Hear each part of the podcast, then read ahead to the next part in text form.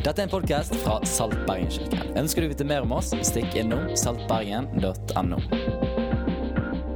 Du, jeg prøvde meg på en vits på forrige gudstjenesten, og den vitsen eh, lo ingen av. Eh, Men jeg ble fortalt at jeg fortalte den feil. Men det var et skikkelig nederlag for meg. Så jeg bare føler at eh, hvis jeg skal liksom føle, ha en god mandag i morgen, så tester jeg den på dere. Går det greit? Hvis denne vitsen her er kjempedårlig, da skal, jeg, da skal vi ha en ny konkurranse. Vi, dere kan sende inn en vits som vi kan kjøre. Jeg måtte avslutte det for noen år tilbake, for det var så mye rart. Men her, her er han. Det var en søndagsskolelærer som underviste på søndagsskolen. Og sånn, Hvis jeg rydder hele kirken og alle skapene dere opp og ordner opp overalt i kirken, kommer jeg til himmelen da? Nei, ropte de. Hvis jeg rydder hele huset mitt og selger alt jeg eier og gir det til de fattige, kommer jeg til himmelen da? Nei, hvordan kommer jeg til himmelen da, barn? Så var det en femåring bak som sa Og det er nå dere skal le etter jeg sier dette. da. Sant? Nei, Ikke le ikke le nå. Sånn. Du må daue først. Han var god. Han var jo god. Han var god.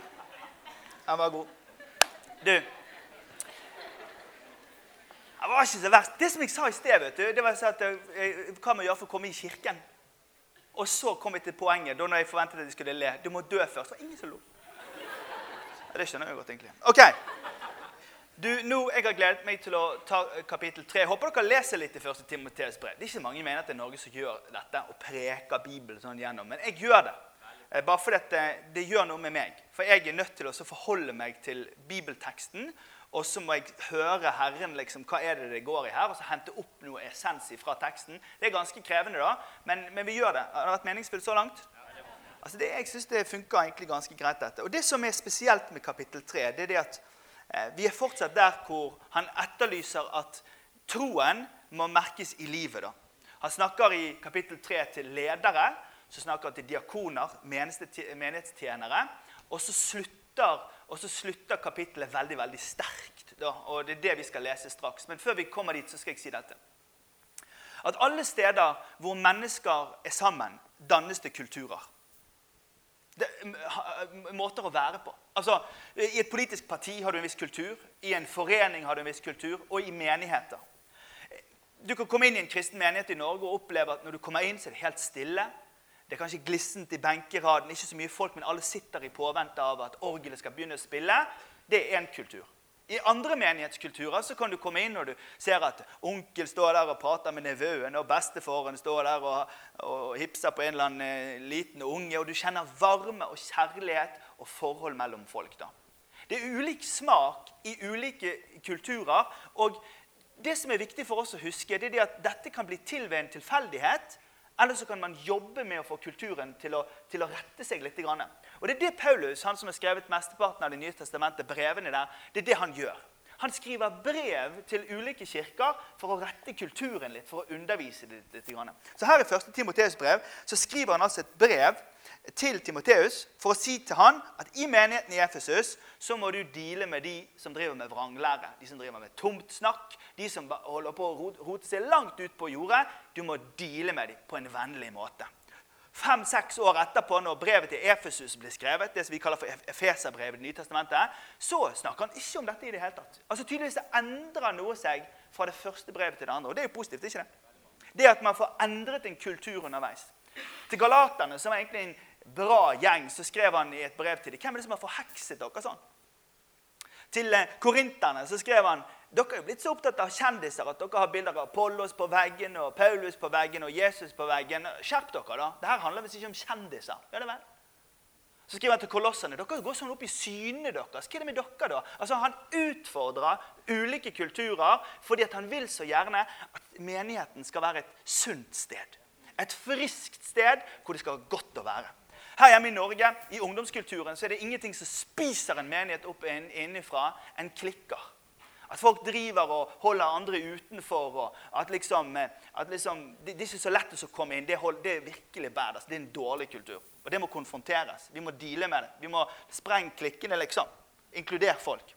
Eller enkelte miljøer så er det om å gjøre å, å være superåndelig. Altså være sånn skikkelig halleluja. Andre steder så er det om å gjøre å være sånn skikkelig ikke halleluja i det hele tatt. For det er ulike kulturer på ulike steder. Men jeg tror at det går an å sikte på en sunnhet. Og jeg tror det er det han sier, spesielt her i kapittel 3, at det som blir det viktigste for deg, det blir med å bestemme hvordan miljøet blir til slutt. Så han tar tak i på slutten av kapittel 3 her, så sier han, 'Jeg skriver dette til deg, enda jeg håper å komme til deg snart.'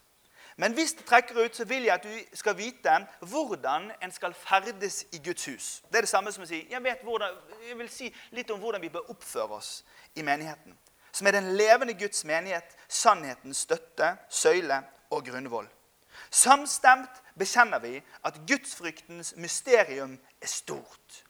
Han ble åpenbart i kjøtt og blod, rettferdiggjort i ånden, sett av engler, forkynt for folkeslag, trodd i verden og tatt opp i herlighet.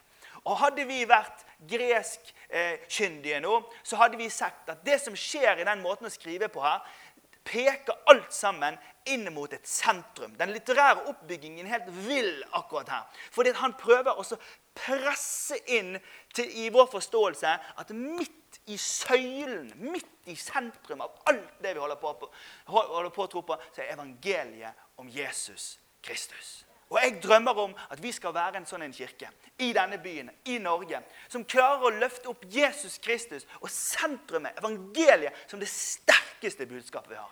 Tar du en gallup ute på Torgallmenningen og spør hva folk tenker om kristne, så tenker de at de er mørke menn, og de er mot det, og de er for det, og de er mot det, og de alle sammen synger mest sannsynlig i kor. Fordi at Smaken av Kirken er noe annet enn den smaken som Timoteus får i oppdrag at han skal etterlate seg. Og Tenk hvis meg og det kan høre i kveld.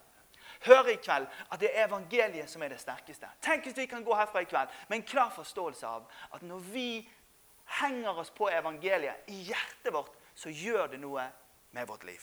Men ikke bare henger oss på evangeliet, vi henger oss også på menigheten, som er sannhetens støtte og grunnvoll. Ikke bare det, vi tar også på oss oppdraget av å være sånne mennesker som bærer en kultur oss imellom som gjør at det er evangeliet folk ser. Det er de tre tingene jeg har lyst til å snakke om, så jeg håper at du henger med i løpet av de neste minuttene. Går det greit? Jeg... Eh, tar eh, veldig sjelden og forteller om eh, hva jeg gjør i uken. og sånn som det. Eh, eh, jeg gjør litt mer enn kameratene til min yngste sønn eh, tror jeg gjør. Er det sant at du er prest? Jobber du bare på søndager? Er det sant at du går med kjole i helgene? Eh, vi, vi, gjør jo litt mer, da. men jeg skal bare ta det med på en, for jeg hadde en litt sånn sterk opplevelse denne uken. Fordi at På, på onsdagskvelden så fikk jeg lov til å være i, i Tønsberg. Tønsberg er en fantastisk by. Tønsberg eh, var i domkirken der og, fikk lov til å tale på en sånn fellesmøte. Så det var veldig fint å være der. Unge og eldre. Eh, jeg var vel mest av de unge, tenker jeg. Eh, men det var utrolig fint å være der. Og så, og så være med en katolsk prest og med en luthersk prest og en enda mer luthersk prest og, og en baptist. Og, kjempekjekt. Frelsesarmeen. Nydelig.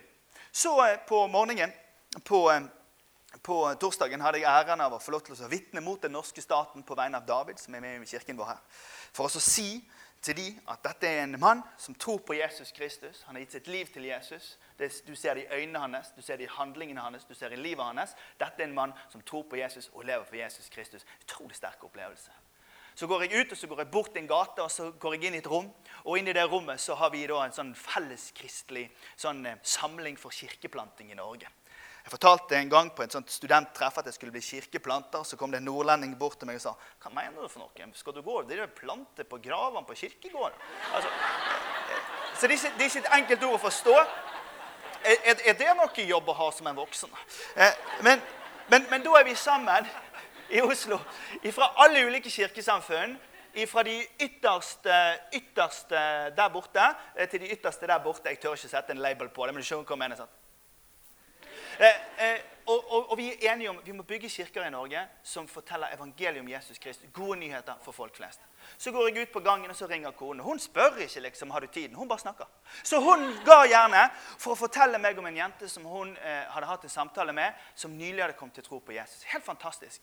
Dagen etterpå, etter å ha vært litt i Oslo, klarer jeg bare så mye før man må reise til Sørlandet. Eh, og Så kjørte de meg langt opp i skogen, og så traff jeg 400 mannfolk som var på, på sånn eh, mannsgreie. sant? Og Det er liksom eh, skinnvester og hallelujaer opp. Eh, og det er utrolig kult. da. Og det er menn som elsker Jesus. Og Bare for innenfor de 60 timene der så gikk det så gikk det en ekstremt sånn samstemt tone gjennom alt.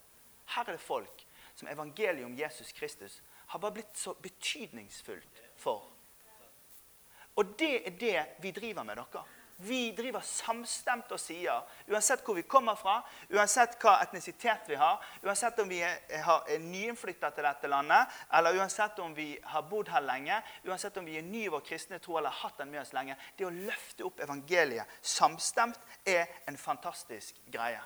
Han sier at Gudsrikets mysterium, sier han som det står i denne teksten. Det er jo enkelte som har lyst til å løfte det med mysteriet veldig høyt opp. Det er masse kreative forkynnere som har, har, gått langt inn i liksom, og det er så veldig mystisk, vet du, og du må høre på meg hvis du skal få tak på det. Men det er egentlig ikke så veldig mystisk. New International Version, oversettelsen av dette verset, er kanskje bedre. Der står det bare 'de dype sannhetene'.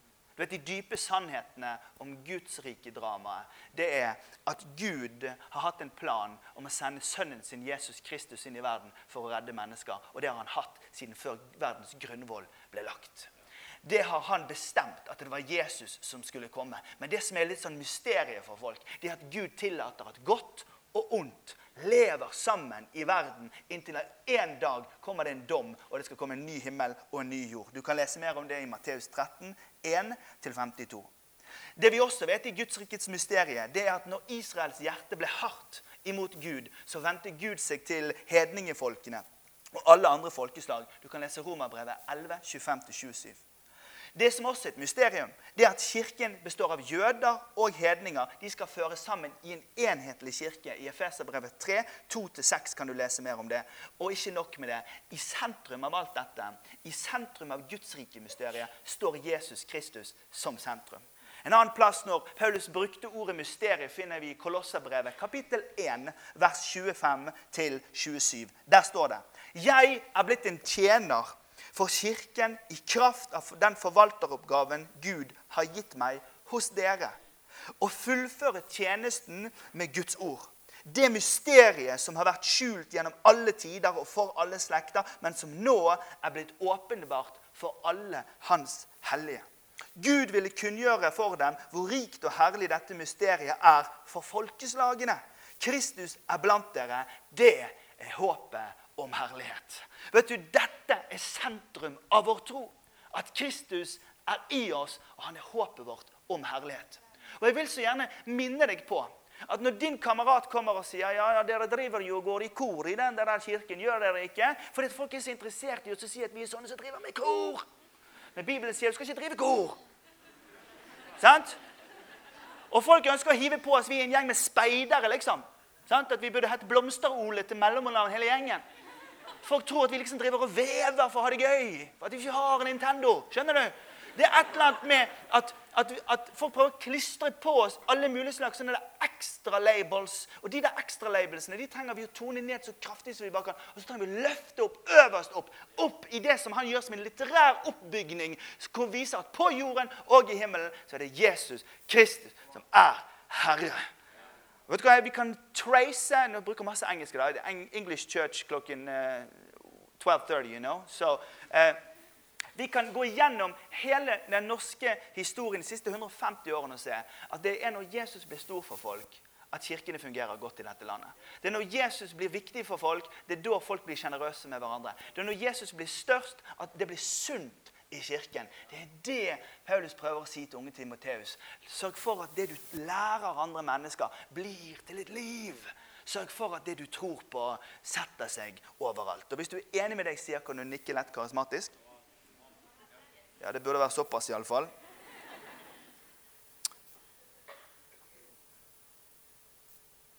Den levende Guds menighet. Sannhetens søyle og grunnvoll. Den levende Guds menighet, står det. Sannhetens søyle og grunnvoll. Vi har tatt med noen bilder her eh, bare for å prøve å illustrere hva han mest sannsynlig peker på når han snakker om sannhetens søyle og grunnvoll. Hva har vi her?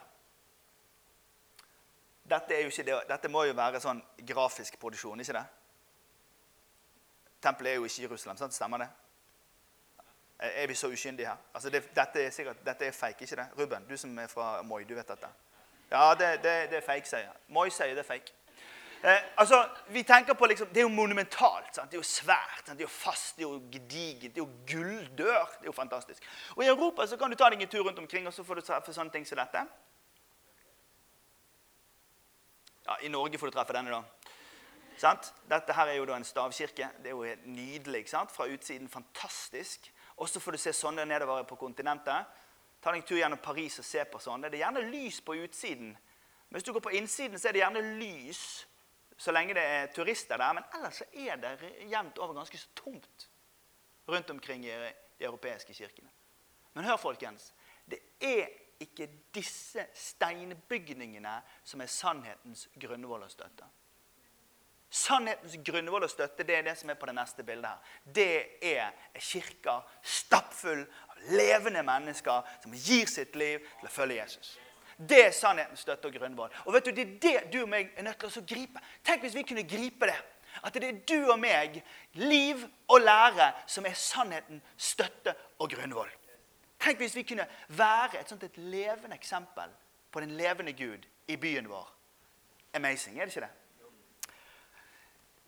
Hvis vi sier for enkelhets skyld at én generasjon er 25 år, da er vi ca. 80 generasjoner fra den tiden når Jesus var født. Hvis du går inn i en av de generasjonene og så bare napper du ut en generasjon, og så sier Si du tar vår generasjon, da, og så bare napper du ut den, så sier du Nei, vi gidder ikke å drive eh, kirkelig virksomhet. Vi dropper dette med søndagsskolen. Vi bryr oss ikke om dette med ungdomsgreiene. Vi dropper lovsangen. Vi lukker Bibelen. Vi reiser på Geilo og smører med blått og koser oss i Barcelona når det ikke er snø på fjellet. Vi bryr oss ikke. Hva ville skjedd med kontinuiteten i sannhetens støtte og grunnvoll om én generasjon bare sa 'Dette gidder vi ikke lenger'? Du ville fått en fullstendig sammenbrudd av det som er en lang linje av Jesu Kristi kirke i denne verden, som støtter opp om sannheten, og som er søylen for sannheten. Forstår dere hva jeg snakker om? Så når jeg sier mange ganger her at vi har bestemt oss for at på vår vakt skal det i hvert fall ikke bli dårligere Det kan godt være at ikke hele Bergen blir kristen og løfter hendene og priser Jesus eh, i vår livstid, men, men vi skal i hvert fall sørge for at det er bedre når vi gir oss, enn når vi tok over.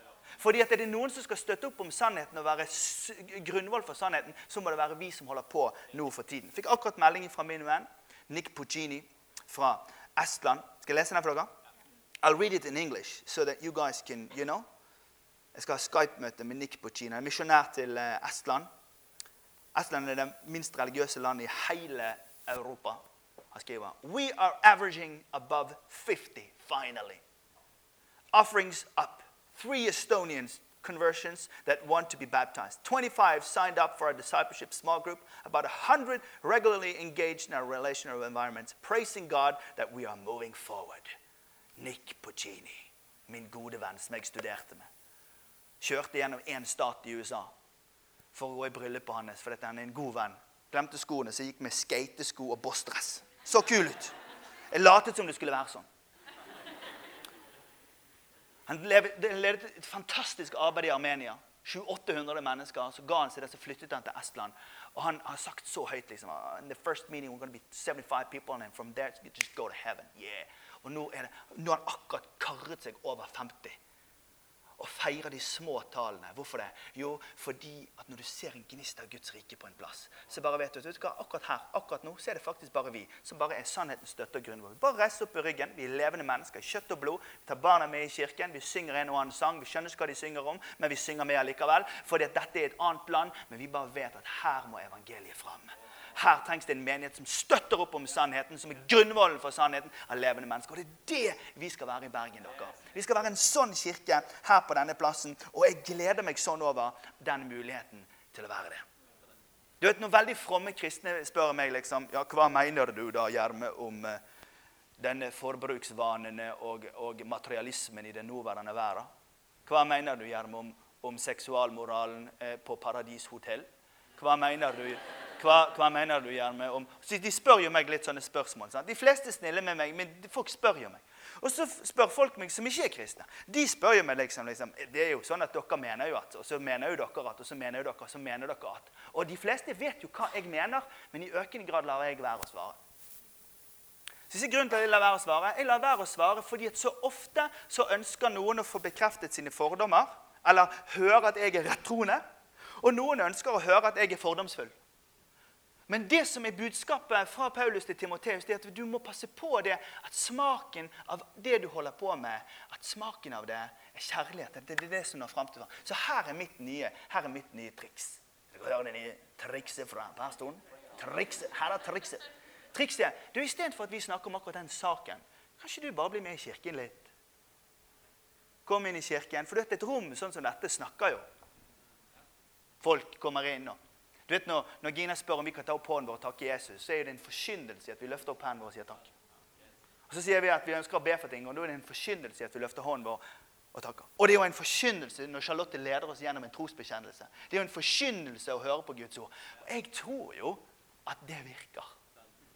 Jeg tror jo at nettopp det å være i et menighetsmiljø på denne måten, at det funker. Men jeg er veldig åpen for å teste om det ikke funker. Jeg hadde en samtale med en kamerat her forrige dagen. Og han sa noe skummelt til meg. Han sa, 'Husker du, husker du kirkehistoriebøkene da når vi leste om eh, at før i tiden, når de hadde nattverd, så, eh, så hvis det var noen som ikke kunne komme fordi de var sjuke, så, så, tok folk med seg brød og vin, og så tok de Bybanen opp til Landås. Og så gikk de opp i leiligheten og så sa de, 'Vær så god. Dette er Jesu blod, dette er Jesu legeme.' Fordi det var så viktig at også de som ikke kunne komme seg dit, skulle få ta del i Jesus Kristus. Husker du at eh, i kirkehistorien så var det sånn at man hadde nattverd hver gudstjeneste. Og når noen var borte tre uker på rad, så ble de automatisk utmeldt av kirken. Fordi at de bevisst sa nei til at de trengte Jesus lenger. Så tenker jeg med meg sjøl hvis jeg hadde gjort det, da hadde det kanskje blitt litt uro. Men så spør jeg meg sjøl Tenk hvis vi hadde gjort det. Nei, men Bli med meg på tanken. Tenk hvis vi hadde tørt å si oss imellom at vi trenger å løfte litt høyere opp at evangelium er sentrum for vårt liv. Løfte litt høyere opp at menigheten er sannhetens støtte og grunnvoll i en tid hvor alle har sine egne sannheter og alle ønsker å gjøre sin egen greie, at det ligger en forkynnelse og en deltakelse i alt det vi gjør, som gjør at vi møter Jesus på en regulær basis i det at vi møter Skjønner du meg? Og Jeg tror det er noe her vi ennå ikke har sett. Jeg tror det er noe her vi ennå har til gode å bore litt i. Vi skal straks ha nattverd sammen, men jeg håper at du ser at om vi skal støtte sannheten i denne generasjonen, så er det ikke informasjonen fra Dagbladet og VG og fra trendene og fra ungdomskulturen som informerer det. Da er det en helt annen melding vi er nødt til å tro på. Det er en helt annen melding som går mot kulturen, og den er sannhetens støtte og grunnvoll. Kan du nikke lett karismatisk til den også? Den er fin. Skal ikke melde noen av dere ut. Ikke melde ut noen. Kirken handler om å inkludere. Men jeg trenger han. Men hvis det trekker ut sånn, så vil jeg at du skal vite hvordan vi skal ferdes i Guds hus. Får du det opp der som tekst? Men hvis det trekker ut, så vil jeg at du skal vite hvordan man skal ferdes i Guds hus. På eh, den 22. den uken som gikk, så hadde jeg vært kjæreste med min kone i 21 år. Det er altså lenger enn vi har levd, eh, faktisk. Eh, det er så sinnssykt lenge at jeg ikke husker før. Det stemmer ikke til lenger enn vi har levd, men altså vi, at, altså vi, har levd lenger etter. Altså Vi har mer liv bak oss som to enn som én. Det har vi. Og det har vært fint. Og når jeg gir hun en gave, så er det klart at jeg ønsker at det jeg pakker gaven inn i, skal reflektere verdien på det som er inni gaven. Så det å bare ta noe toalettpapir rundt en ring ikke noe særlig. Man pakker inn i stil med det man tror på. Og hør, Jeg syns det er trist å komme til kristne kirker i dette landet hvor man må ha jakkene på fordi at folk har spart på strømmen og ikke skrudd på for å varme opp benehuset. Jeg syns det er trist å komme til steder hvor folk ikke har forberedt seg og preker i en og en halv time istedenfor en halvtime bare fordi at forberedelsen gjør de mens de står og snakker til oss. Jeg synes Det er trist å være med på musikkgreier hvor folk ikke engang har stemt pianoet, nei, unnskyld, gitaren eh, eller saksofonen. eller rett og slett må spille et eller annet tøyseinstrument.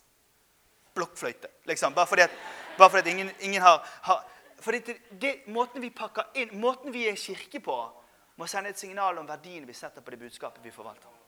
I'm sorry. Men vi må passe oss så vi ikke blir så fine på det at vi selger innpakningen istedenfor innholdet. Men Paulus sier til Timoteus når, når, når, du skal hjelpe de der kirken å oppføre seg skikkelig, så er det veldig viktig at lederne oppfører seg aller best. Altså, ledere må oppføre seg skikkelig. og Du kan bli mørkredd når du leser listen over hvordan ledere skal oppføre seg. Så det skal ikke vi gjøre nå.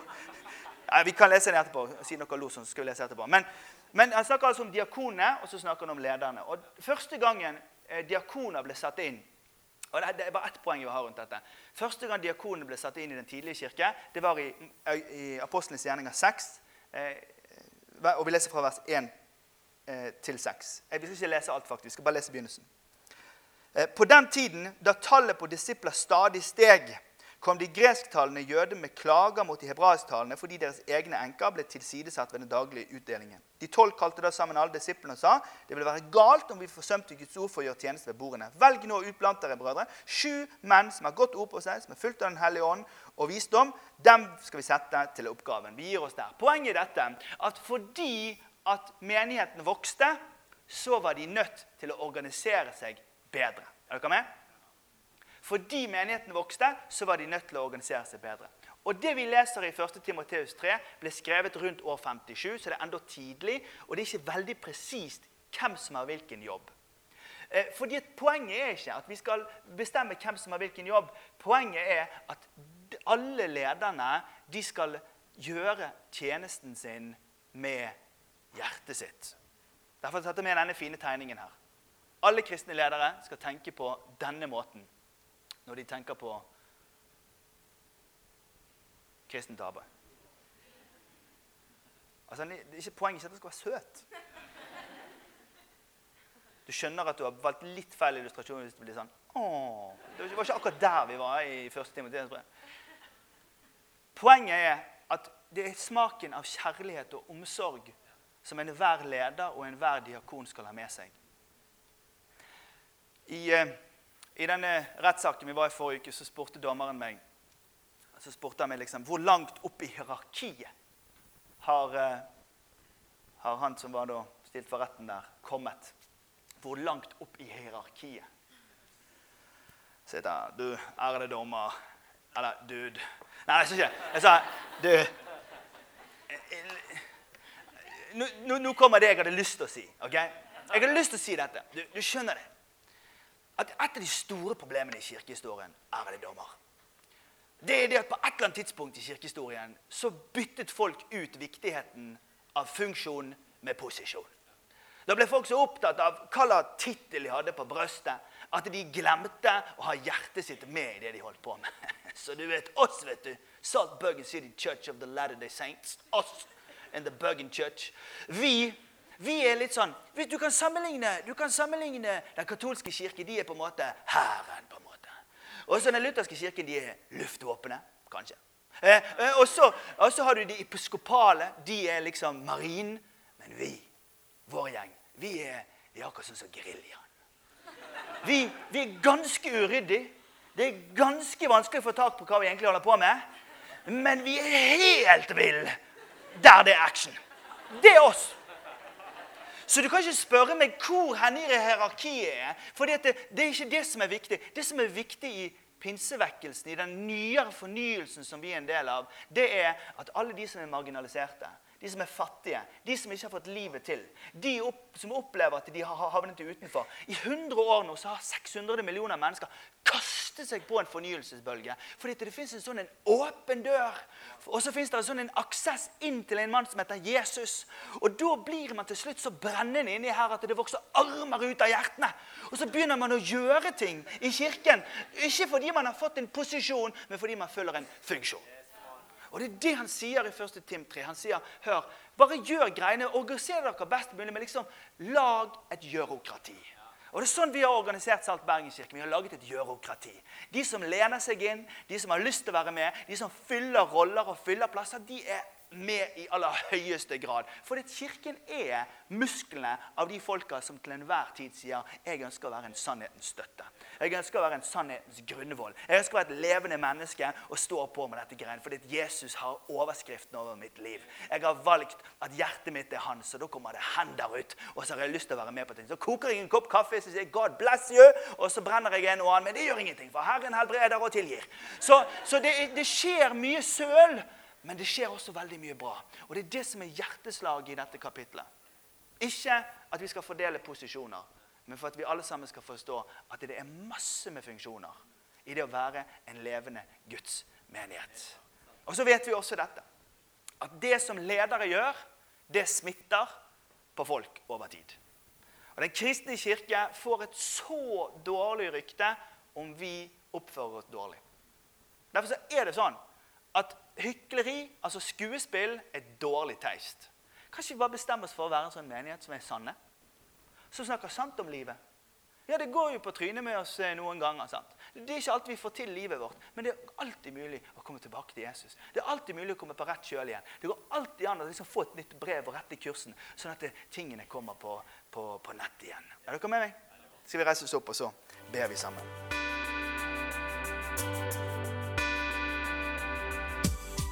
Takk for at du har lyttet til podkast fra Saltbergenkirken. Vår visjon er å lede mennesker til et nytt og bedre liv gjennom etterfølgelsen av Jesus. Følg gjerne med på hvordan vi realiserer dette, og hvordan du kan delta ved å besøke saltbergen.no.